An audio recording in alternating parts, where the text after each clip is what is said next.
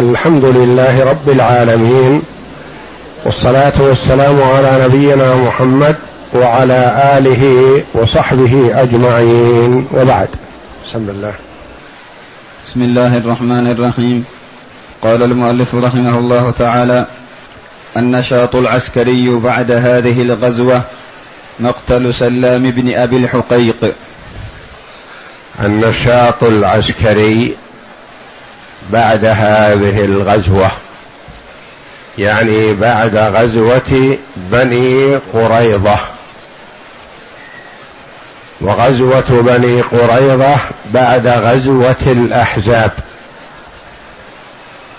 وغزوة الأحزاب هي آخر غزوة كبرى بين النبي صلى الله عليه وسلم وكفار قريش. لأن النبي صلى الله عليه وسلم بعدها تجهز للعمرة. فحصل بين النبي صلى الله عليه وسلم وبين كفار قريش الصلح في الحديبية. واعتمر صلى الله عليه وسلم في السنة السابعة وفتح الله جل وعلا له مكة في السنة الثامنة من الهجرة. فبعد غزوة الأحزاب اندحر كفار قريش وضعفوا ووهنوا وعلموا أنهم لن يستطيعوا النيل من محمد صلى الله عليه وسلم لأنه اجتمع من الجيش والعدد والتكتل ما لا يتوقعون. ثم حصلت الهزيمة بعد هذا بأمر الله جل وعلا. بدون قتال. هزمهم الله جل وعلا وأرسل عليهم الريح. فرجعوا خاسئين ذليلين حقيرين. وكذلك من ناصرهم من مشرك العرب. ثم التفت صلى الله عليه وسلم إلى الخونة من جيرانه من اليهود من بني قريظة فحاصرهم صلى الله عليه وسلم ثم نزلوا على حكمه وطلبوا أن يحكم فيهم شخص من الأوس من حلفائهم في الجاهلية فحكم فيهم سعد بن معاذ رضي الله عنه وأرضاه حكمه الذي أعجب النبي صلى الله عليه وسلم وسر به وقال له لقد حكمت فيهم بحكم الله من فوق سبع سماوات. وقال سعد رضي الله عنه لقد آن لسعد ألا تأخذه في الله لومة لائم. هؤلاء أعداء الله ورسوله هؤلاء الخونة. ما في قلبه لهم من رحمة ولا مودة. وإن كانوا حلفائه في الجاهلية لكن الإسلام فرق بينهم. لا تجد قوما يؤمنون بالله واليوم الآخر يوادون من حاد الله ورسوله. وكما تقدم لنا أمس لا يتخذ المؤمنون الكافرين أولياء من دون المؤمنين ومن يفعل ذلك فليس من الله في شيء. فحكم فيهم سعد رضي الله عنه بأن تقتل المقاتلة يعني الرجال. يقتل البالغون ويسترق النساء والأطفال. وكيف يميزون بين هؤلاء وهؤلاء ممن راهقوا ممن قاربوا الحلم ولم يحتلموا لأنهم لا يصدقون. ومن بلغ يقتل ومن لم يبلغ يسترق. فأمر صلى الله عليه وسلم بالكشف عن مآزرهم ليطلع على عوراتهم. فينظر من أنبت الشعر الخشن حول القبل فقد بلغ.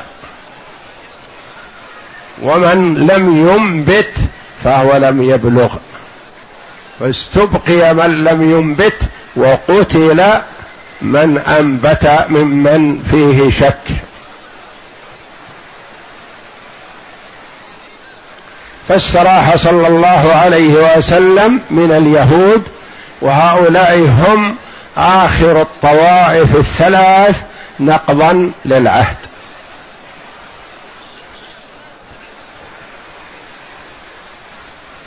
وزعيمهم كعب تمنع لكن حيي بن أخطب اللعين هو الذي استجره ووعده ومناه. بأنه جاءه بعز الدهر فقال لا والله بل جئتني بالخيبة. وحصلت الخيبة والقتل وقتل معهم اللعين حيي بن أخطب الذي جرأهم على نقض العهد. بعد هذا كبتت ودحرت الأفاعي الشديدة كثيرة السم منهم من اندحر ورجع إلى دياره خاسئا خسيرا حسيرا ومنهم من حكم عليه في عقر داره بالقتل. اذا ما الذي حصل بعد هذا؟ بعد هذا ينظر فيه أشواك وأفاعي تعمل في الخفاء ولم تبرز ولم تواجه. وفيه أناس يغيرون مع حالة الضعف ويكنون ويختفون حال قوة المسلمين. فأراد النبي صلى الله عليه وسلم أن يقضي على هذه الأفاعي الشريرة وأن يؤدب هؤلاء الأعراب الجهلة لعلهم يدخلوا في الإسلام فينالوا خيري الدنيا والآخرة. وعرفنا أن الأوس والخزرج من صحابة رسول الله صلى الله عليه وسلم ورضي الله عنهم يتنافسون في التسابق إلى رضا رسول الله صلى الله عليه وسلم. وهم سكان المدينة. وعرفنا أن الأوس ظفروا بقتل كعب بن الأشرف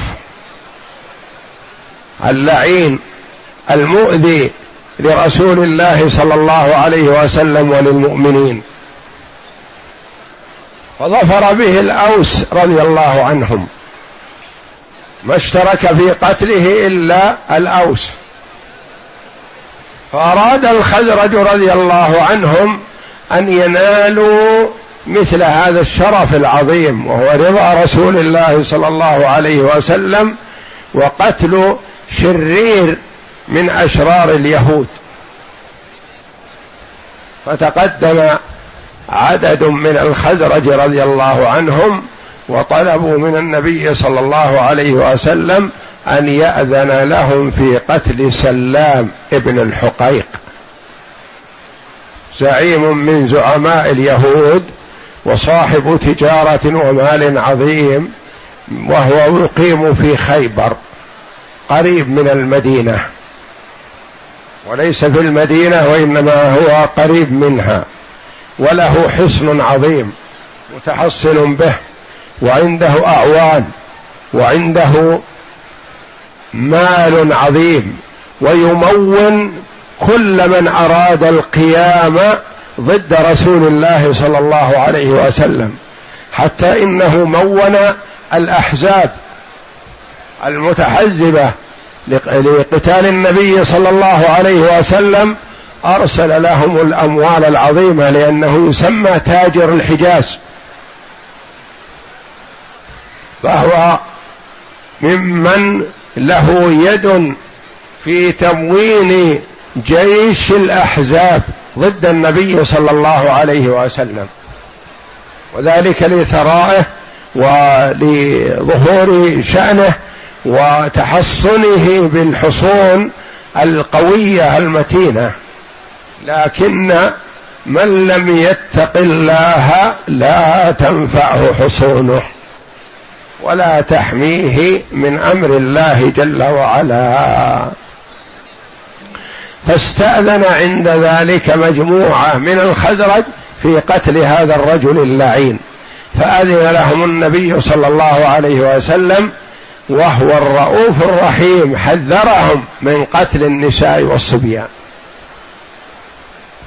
عدو لدود شديد العداوة يقول لا تقتلوا ابنه الصغير ولا بنته ولا زوجته هؤلاء لا يقتلون لأنهم لا يقاتلون. ما استهان صلى الله عليه وسلم بقتل المجموعة من أجل قتل هذا الشقي وتساهل في قتل مجموعة من النساء والصبيان لا. حذرهم صلى الله عليه وسلم وهم يريدون أن يذهبوا لقتله من قتل النساء والصبيان. أما الرجال المقاتلة فنعم يقاتلون لأن هؤلاء رفعوا السلاح في وجه المسلمين. أما النساء والصبيان فلا يقاتلون. فظهر به ظفر به كما سيبين المؤلف رحمه الله مجموعة من الصحابة رضي الله عنهم من الخزرج حتى تمكنوا من قتله. اقرأ.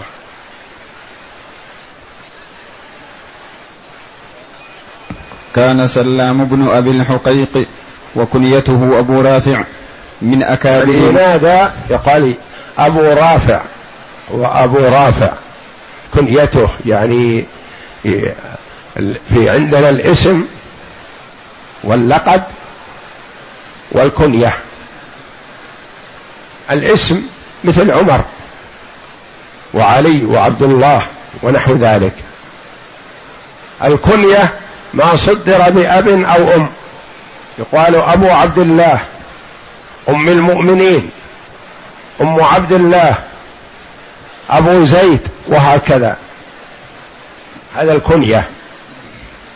واللقب ما أشعر بمدح أو ذم. يقال الفاروق. شيخ الإسلام تقي الدين وهكذا. نعم. وكنيته أبو رافع.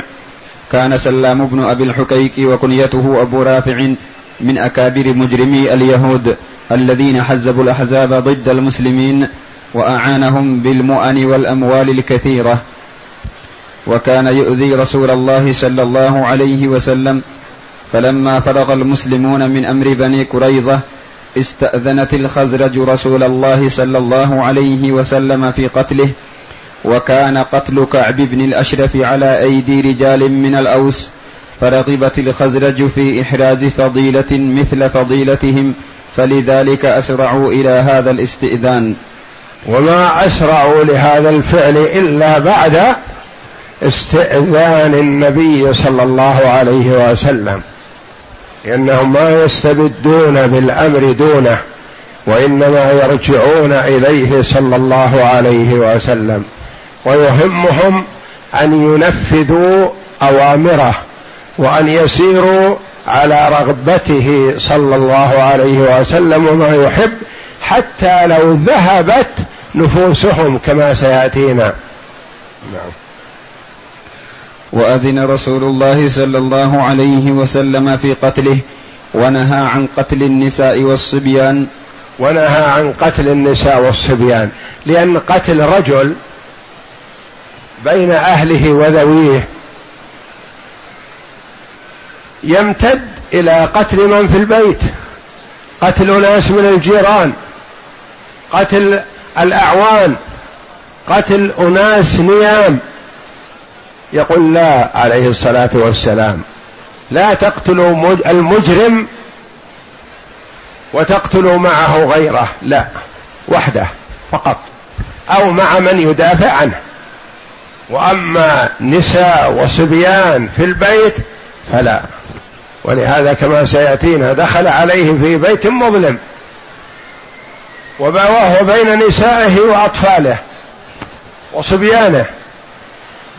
ويهمه أن ينفذ أمر النبي صلى الله عليه وسلم ويحذر نهيه.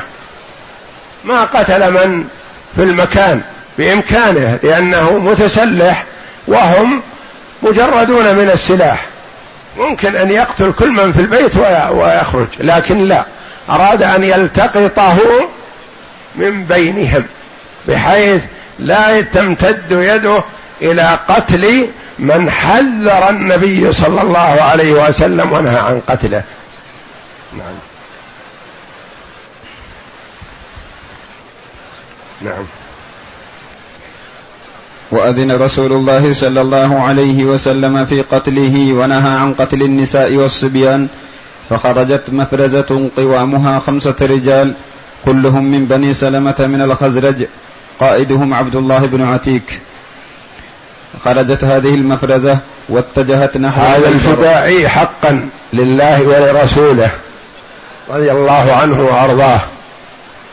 خاطر بنفسه ولم يبالي بنفسه. يقول مهمتي أقتل هذا الرجل ولو قتلت. ويريد أن يقتل بين يديه. ما يهمه. يهمه أن يقتل من استأذن النبي صلى الله عليه وسلم في قتله. عبد الله بن عتيك رضي الله عنه. نعم. خرجت خرجت هذه المفرزة واتجهت نحو خيبر إذ كان هناك حسن أبي رافع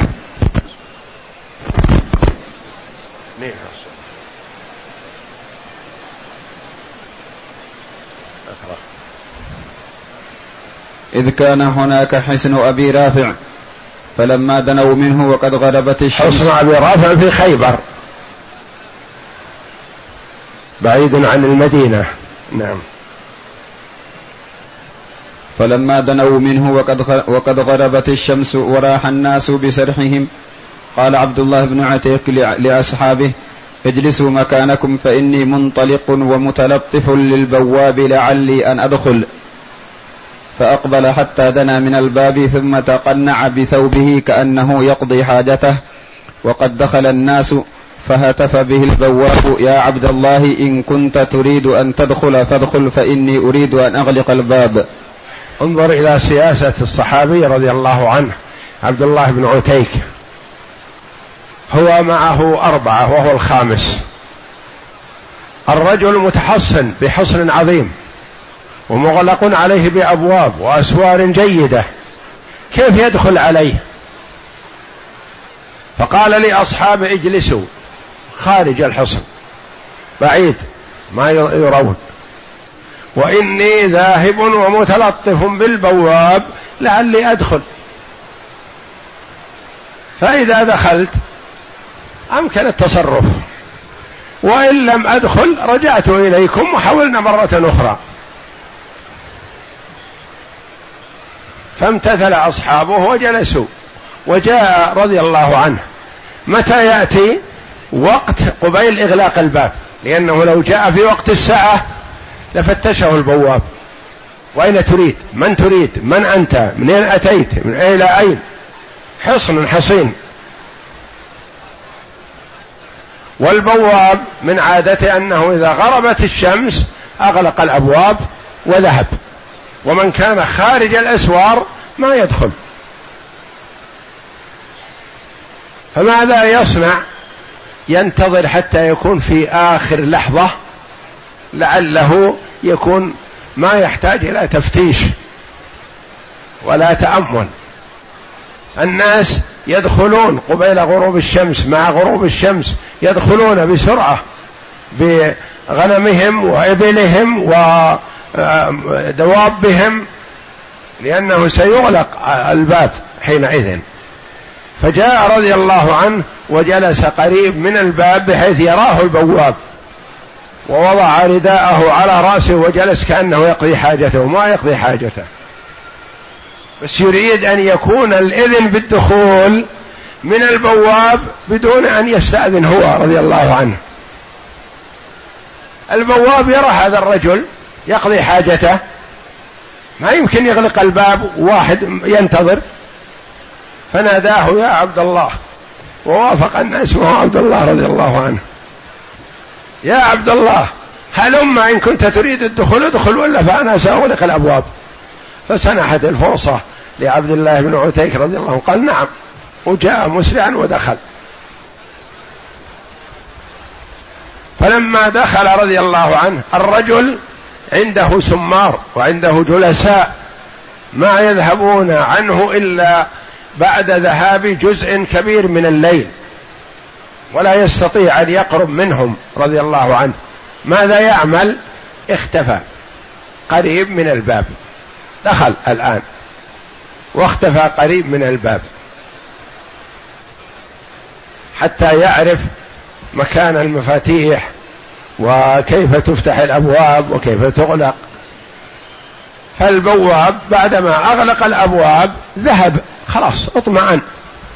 إنه أغلق الحصن وخلاص. فجاء عبد الله رضي الله عنه وتفقد الباب وعرف المفاتيح إذا هي معلقة على وتد قريب من الباب وأخذها ووضعها في مكان قريب احتاج إليها فإذا هي قريبة ودخل واختفى كذلك حتى يذهب عن الرجل جلساؤه وصحبه كما ذكر البخاري رحمه الله لا زالوا خارج. صحب عبد الله بن عتيك رضي الله عنهم خارج ما دخلوا إلى الآن. ويقول ابن إسحاق إنه لما هدأ وذهب الحارس والبواب جاء عبد الله بن عتيك وفتح الباب وأدخل صحبه معه. روايتان رواية البخاري أن صحبه لا زالوا خارج. وباتوا خارج ولم يدخلوا. ورواية ابن إسحاق رحمة الله على الجميع على أنه بعدما عرف الأبواب والمفاتيح وذهبت العيون جاء وفتح لأصحابه ودخلوا معه. وعلى كل فهدفهم هو قتل هذا الرجل وحصل بحمد الله على ما يريدون. نعم. قال عبد الله بن عتيك فدخلت فكمنت. كمنت يعني اختفيت. فلما دخل الناس أغلق الباب ثم علق الأغاليق على ود. ود هو الوتد. علقها على وتد. نعم. قال فقمت إلى الأقاليد فأخذتها ففتحت الباب وكان أبو رافع يسمر عنده.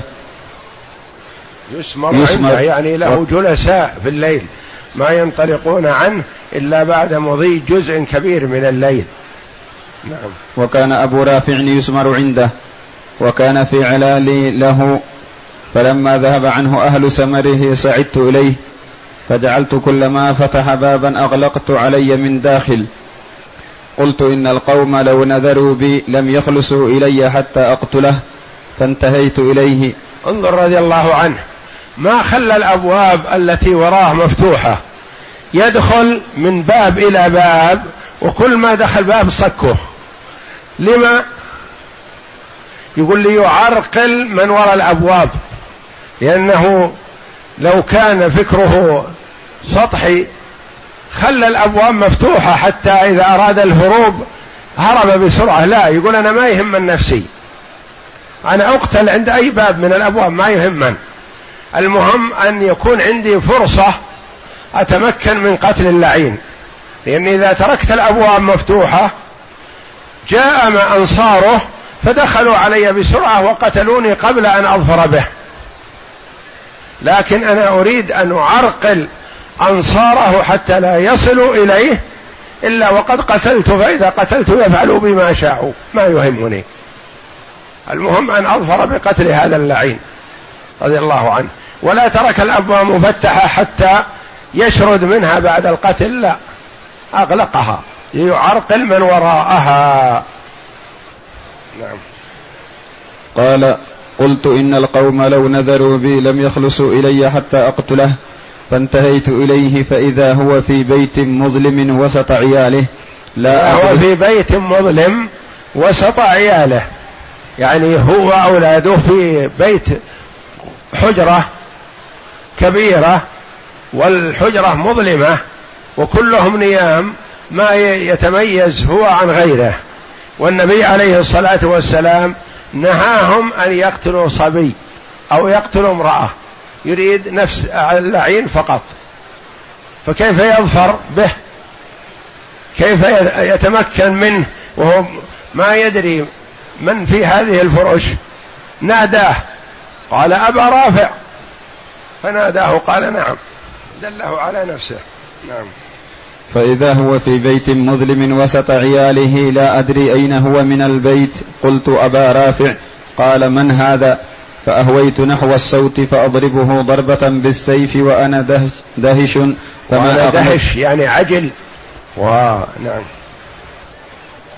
فما أغنيت شيئا وصاح فخرجت من البيت. يقول ضربته لكن ما قتلته. ما تمكن ما ما أصابت الضربة مقتل لأنها يمكن أصابت ساق أو أصابت آه، ألية أو أصابت شيء غير قاتل ولا الضربة فيه. لكن ما يدري أين وقعت. ما وقعت في الرأس ولا وقعت في في الحلق ولا وقعت في البطن حتى تشقه. ما ما يدري أين وقعت لكن الرجل تمكن من الصياح. فما أغنت فما أغنت شيئا وصاح فخرجت من البيت فأمكث غير بعيد. ثم دخلت إليه فقلت وما هذا الصوت يا أبا رافع؟ كأنه جاء لنصرته رضي الله عنه.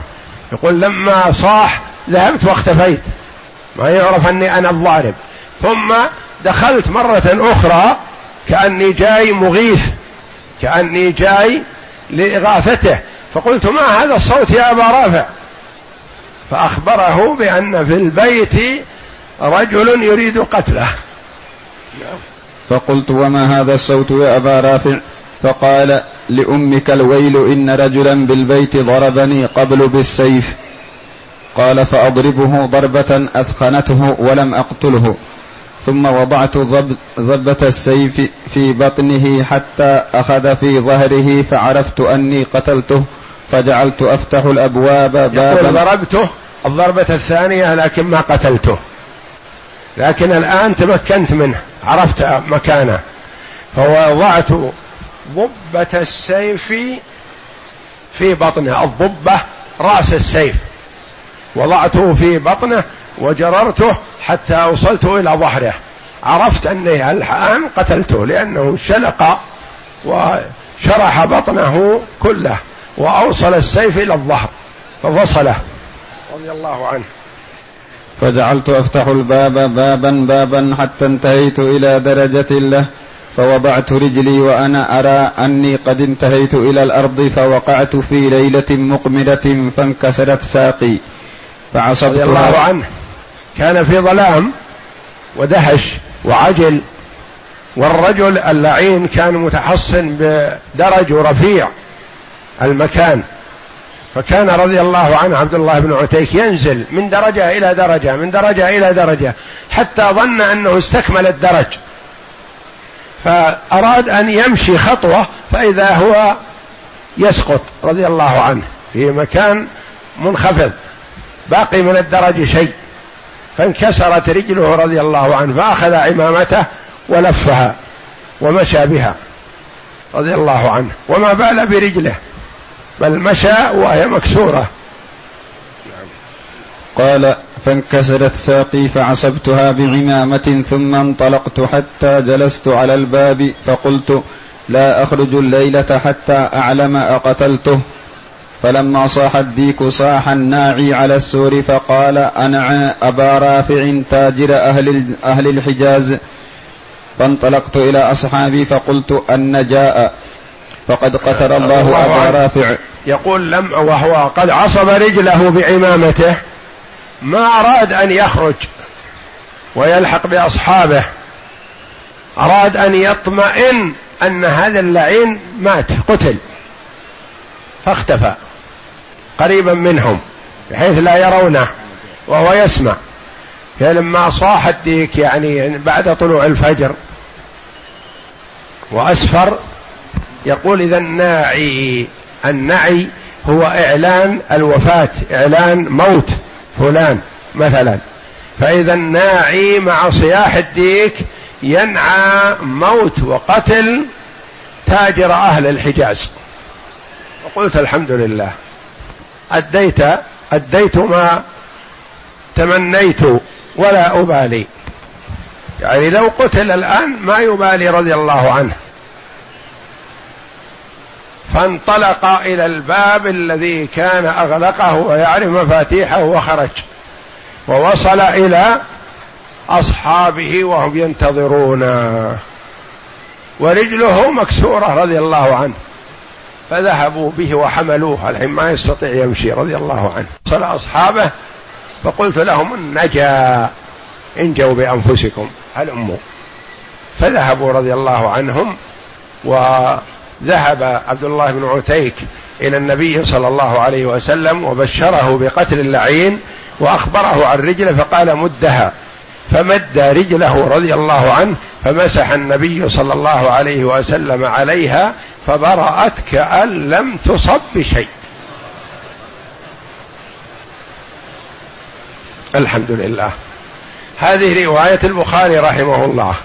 رواية أبي إسحاق رضي الله عنه ابن إسحاق رضي الله عنه رحمه الله كان يقول إنهم دخلوا الخمسه جميع دخلوا الخمسه جميع وتعاون الخمسه على قتله وقتله عبد الله بن أنيس وأبو راف وعبد الله بن عتيك آه، سقط وانكسرت رجله فعلا واختفوا في مكان ما حتى اطمأنوا على قتل الرجل وعادوا. نعم. قال فانطلقت إلى أصحابي فقلت إن جاء فقد قتل الله أبا رافع. فانتهيت إلى النبي صلى الله عليه وسلم فحدثته فقال ابسط رجلك. فبسطت رجلي فمسحها فكأنما لم أشتكها قط.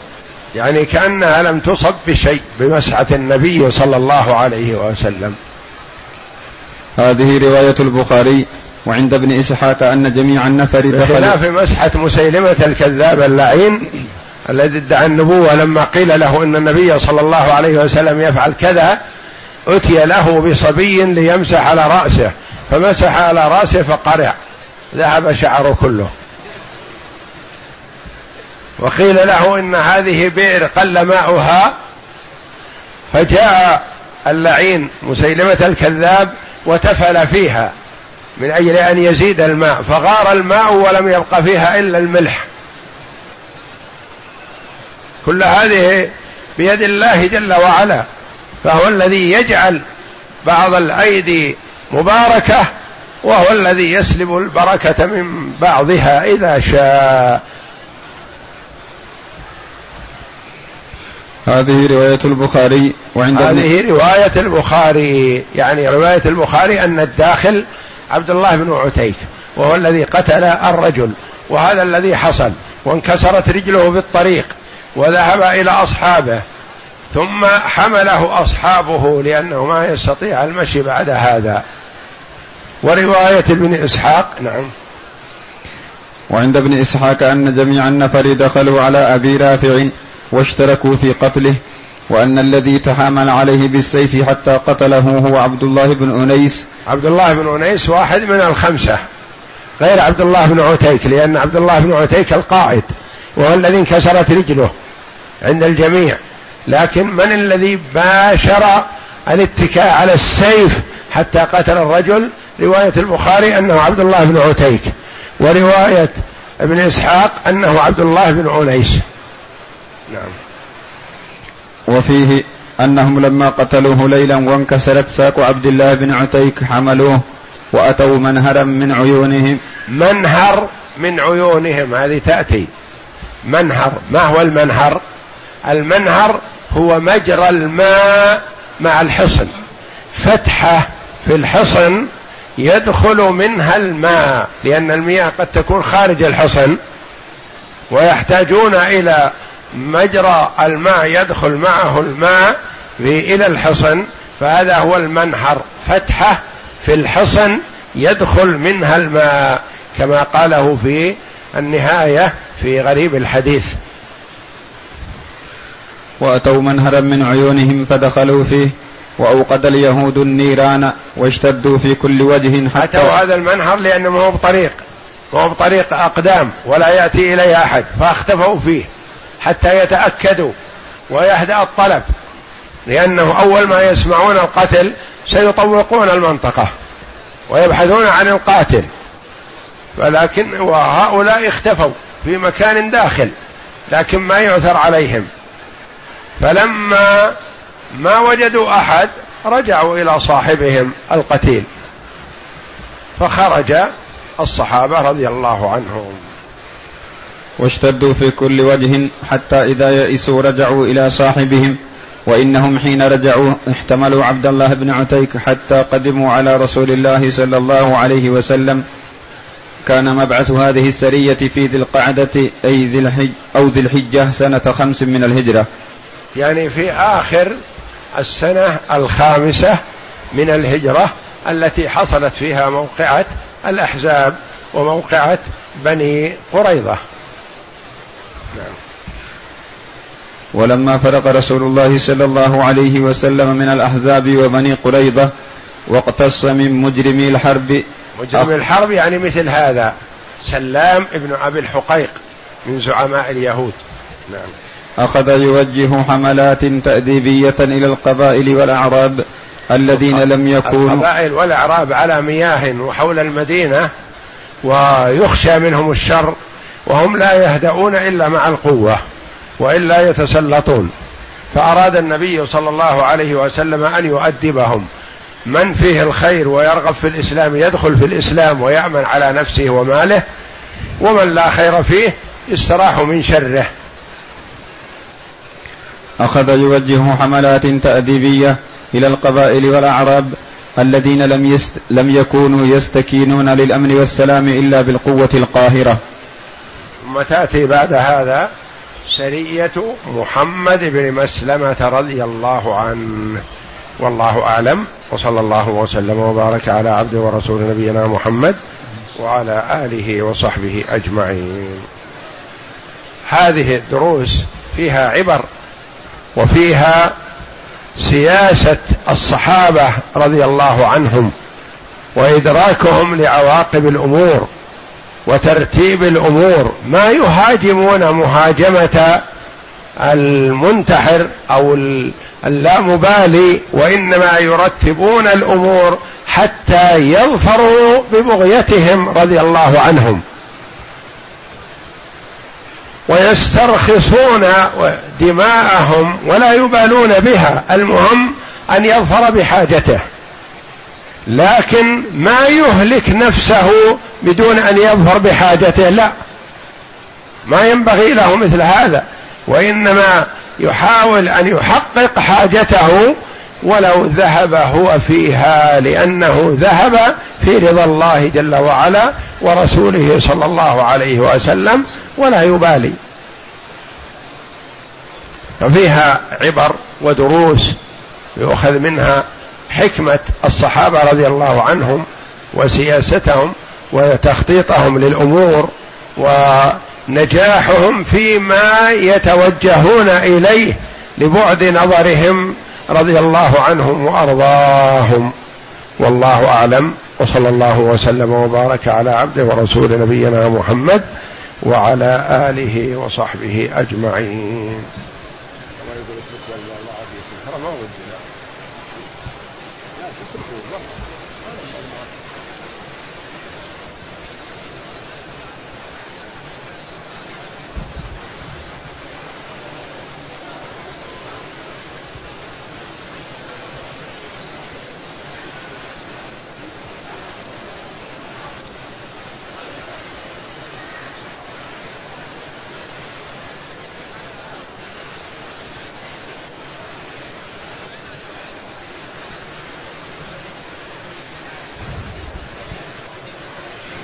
يقول السائل إذا دخلت المسجد قبل المغرب بعشر دقائق هل أصلي أم أنتظر حتى يؤذن, يؤذن للمغرب؟ إذا أمكنك الانتظار الوقوف فحسن. لكن الوقوف لمدة عشر دقائق أو أكثر أو كذا في مشقة فتصلي ركعتين وتجلس. وأنت إذا صليت ركعتين امتثلت أمر النبي صلى الله عليه وسلم في قوله عليه الصلاة والسلام إذا دخل أحدكم المسجد فلا يجلس حتى يصلي ركعتين. لا تجلس حتى تصلي ركعتين.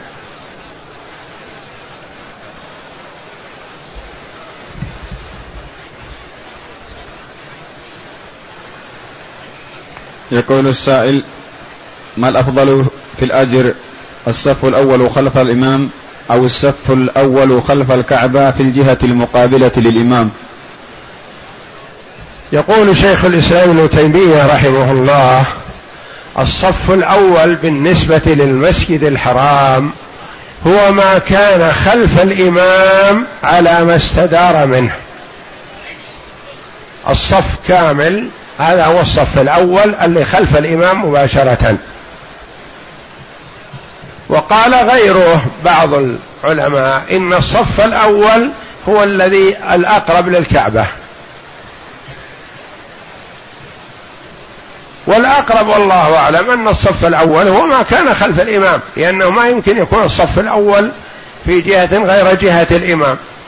لأن الحث على القرب والدنو من الإمام والقرب من الإمام. فالصف الأول ما كان خلف الإمام على ما استدار منه. وكما هو المه... اللي يهتم به حاضرا الآن يحرصون على الصف الأول الذي هو خلف الإمام على ما استدار منه. فيعتبر الصف الأول دون ما قرب من الكعبة من الجهات الأخرى.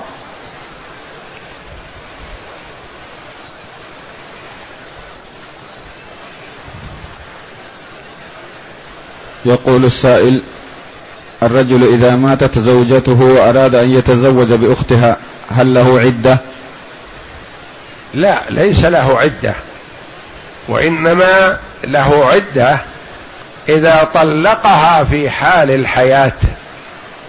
فلا يتزوج أختها حتى تخرج زوجته الأولى من العدة.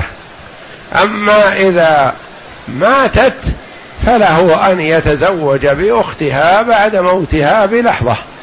لأنه إذا ماتت انتهت الزوجية وله أن يتزوج بأختها. وأما إذا طلقها في حال الحياة فلا يجوز أن يعقد على أختها حتى تخرج المطلقة من العدة. وكذا إذا طلق الرابعة وأراد أن يتزوج بدلها فلا يتزوج بدل من طلقها حتى تخرج من العدة. وإلا لو تزوج أخرى والأخرى لم تخرج من العدة معناه صار في عصمته خمس نسوة وهذا محرم.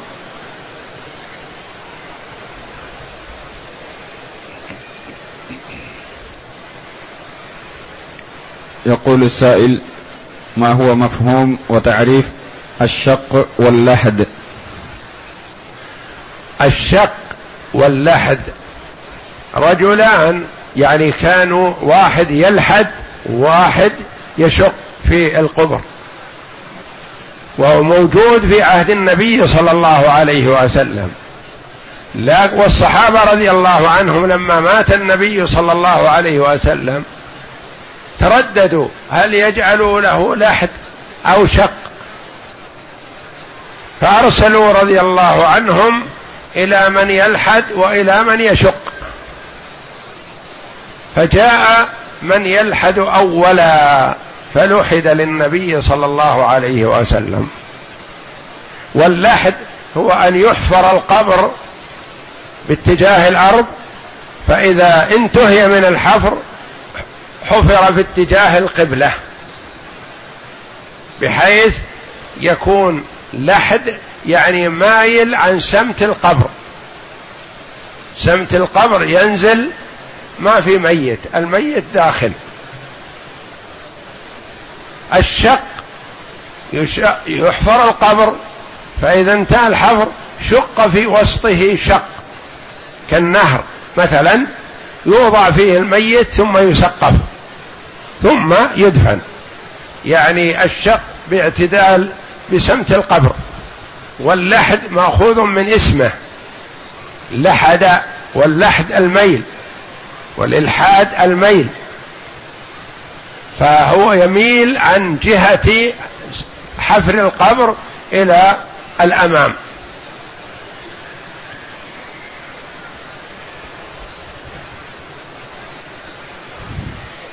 يقول السائل هل الموالاة تشترط في الطواف؟ يقول لو طفت شوطا ثم ارتحت قليلا وهكذا.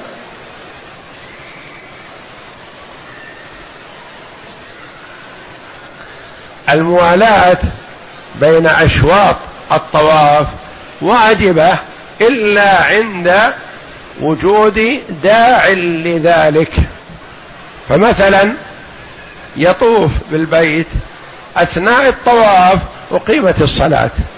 يجب عليه أن يصلي مع الإمام. ثم يكمل طوافه بعد الصلاة. كذلك يطوف فعجز فجلس قليلا فلا حرج عليه. لأن الفاصل غير الطويل أو الفاصل للصلاة لا يؤثر. وأما لغير هذا كأن يطوف ثم يخرج ليتوضأ أو يخرج يستريح في البيت ثم يعود يكمل طوافه لا.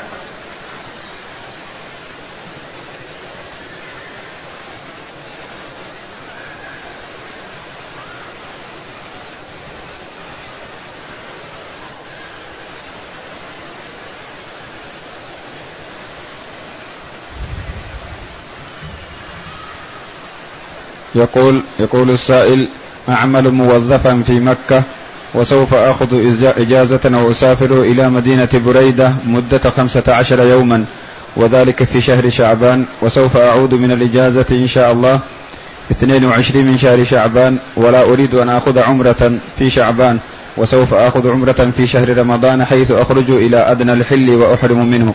فهل هذا جائز؟ وجهوني. الأفضل إذا توجهت إلى مكة من جهة ما اي جهة ما أن تدخل مكة محرما في شعبان أو رجب أو رمضان أو شوال ولا تدخل بدون إحرام. والعمرة تكون عمرة من جهة من الجهة التي قدمت منها. بخلاف العمرة من الحل فهي دون العمرة من جهة ما. فالأفضل إذا توجهت إلى مكة في أي شهر من الشهور أن تدخل مكة بعمرة. فإن لم تحرم فلا بأس عليك لكن قد تكون فوتت على نفسك ثواب العمرة من سفر. فالأفضل أن تدخل مكة بعمرة ثم إن بدأ لك أن تحرم في رمضان فلك ذلك. أو خرجت إلى جدة أو الطائف لحاجة من الحاجات ثم رجعت إلى مكة بعمرة في رمضان ونحو ذلك. لكن لا تفوت على نفسك الفرصة لأن الإنسان ما يدري يدرك رمضان أو لا يدرك. فهو قادم إلى مكة يقدم بعمرة أو بدون عمرة نقول يقدم بعمرة أفضل. ثم إن أراد أن يحرم فيما بعد فله ذلك.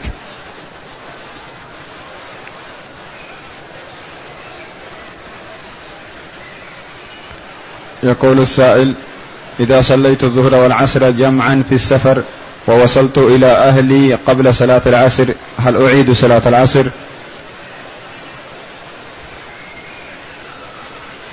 إذا صليت في السفر الظهر والعصر في وقت الظهر أو صليت في السفر المغرب والعشاء في وقت المغرب ثم وصلت إلى أهلك في وقت العصر أو وصلت إلى أهلك في وقت العشاء وقد صليتها فقد أديت ما عليك.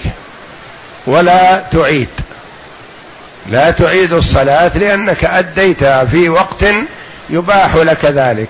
لأن المسافر الوقتان أصبح له في وقت واحد. فقد أديت الفريضة فلا تعيدها مرة أخرى وإن أعدتها أو صليتها مع الجماعة فتكون نافلة في حقك.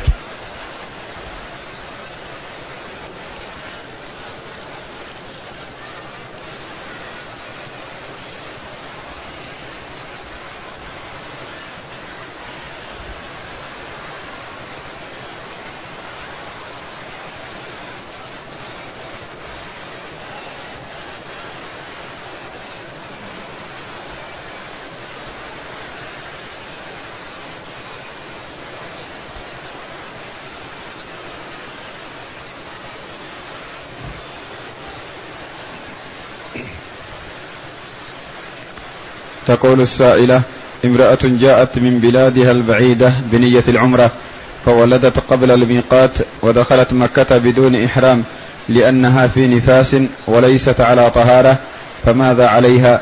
علما بأن رفقتها تسافر قبل طهارتها. ليس عليها شيء لأنها دخلت بدون إحرام. فليس عليها شيء ومتى ما سافر رفقتها تسافر معهم. لا حرج عليها. ولو دخلت بعمرة مثلا فإنها تبقى على إحرامها. ولو سافر رفقتها تسافر معهم فإذا طهرت عادت على إحرامها الأول وأكملت عمرتها. يعني ما يمنعها الإحرام من السفر. إذا كان سفرها قريب ولا مشقة عليها في العودة فتعود ترجع إلى بلدها وإن لم تؤدي عمرتها وتبقى على إحرامها. فإذا طهرت جاءت إلى مكة وأكملت عمرتها. وإن كان بلدها بعيد ودخلت وهي محرمة حال نفاسها أو حال حيضها وأراد رفقتها السفر قبل طهرها فتراجع طالب علم يجتهد لها في وقت سفرها ويحل مشكلتها.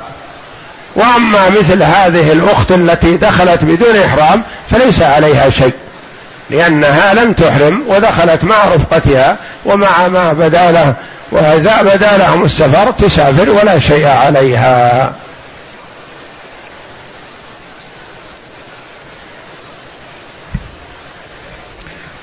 يقول السائل هل الاحتفال بليلة الإسراء والمعراج حرام؟ وهل حضورها حرام إن كان لتفرجة؟ الاحتفال بليلة الإسرى والمعراج بدعة. ما يجوز للمسلم أن يفعل شيئا يتقرب به إلى الله إلا وقد شرعه الله جل وعلا في كتابه أو على لسان رسوله صلى الله عليه وسلم. ولا يجوز للمسلم أن يحدث في الدين ما ليس منه يتقرب به إلى الله. لأنه إذا فعل ذلك فكأنه تنقص النبي صلى الله عليه وسلم واتهمه بأنه لم يكمل ما أمر به لأنه ما أمر بالاحتفال. وإذا كنت ترى أنه من الدين فمعناه أنك تنقص النبي صلى الله عليه وسلم. تقول النبي ما كمل وهذا محرم. والنبي صلى الله عليه وسلم يقول من أحدث في أمرنا هذا ما ليس منه فهو رد وفي رواية من عمل عملا ليس عليه أمرنا فهو رد. مردود على المرء أي بدعة يبتدعها ليست من الدين. والنبي صلى الله عليه وسلم ما احتفل بليلة الإسراء والمعراج بقي زمن طويل عليه الصلاة والسلام. الإسراء والمعراج قبل هجرته صلى الله عليه وسلم من مكة إلى المدينة وبقي في المدينة عشر سنوات عليه الصلاة والسلام ما نقل عنه أن احتفل بليلة الإسراء والمعراج. ولا احتفل بليلة الهجرة ولا احتفل بليلة الموعد المولد وإنما اهتم عليه الصلاة والسلام بليلة القدر. فنقول مثلا بعض الليالي تكون فاضلة مع ما تكرر منها كلما تكررت. وبعض الليالي تكون فاضلة دون ما تكرر. فمثلا ليلة القدر من زمن النبي صلى الله عليه وسلم إلى يومنا هذا وإلى أن يرث الله الأرض ومن عليها وهي ليلة فاضلة. تتحرى ويحرص عليها المرء. ليلة مولد النبي صلى الله عليه وسلم ليلة عظيمة. وحصل فيها خير عظيم للأمة بولادة هذا النبي الكريم صلوات الله وسلامه عليه. لكن الليلة المقابل لها بعد أسبوع ما لها فضيلة. بعد شهر ما لها فضيلة. بعد سنة ما لها فضيلة. وهكذا. كذلك ليلة الهجرة. التي هاجر فيها النبي صلى الله عليه وسلم ليلة عظيمة ليلة الإسراء والمعراج حصل فيها فضل عظيم.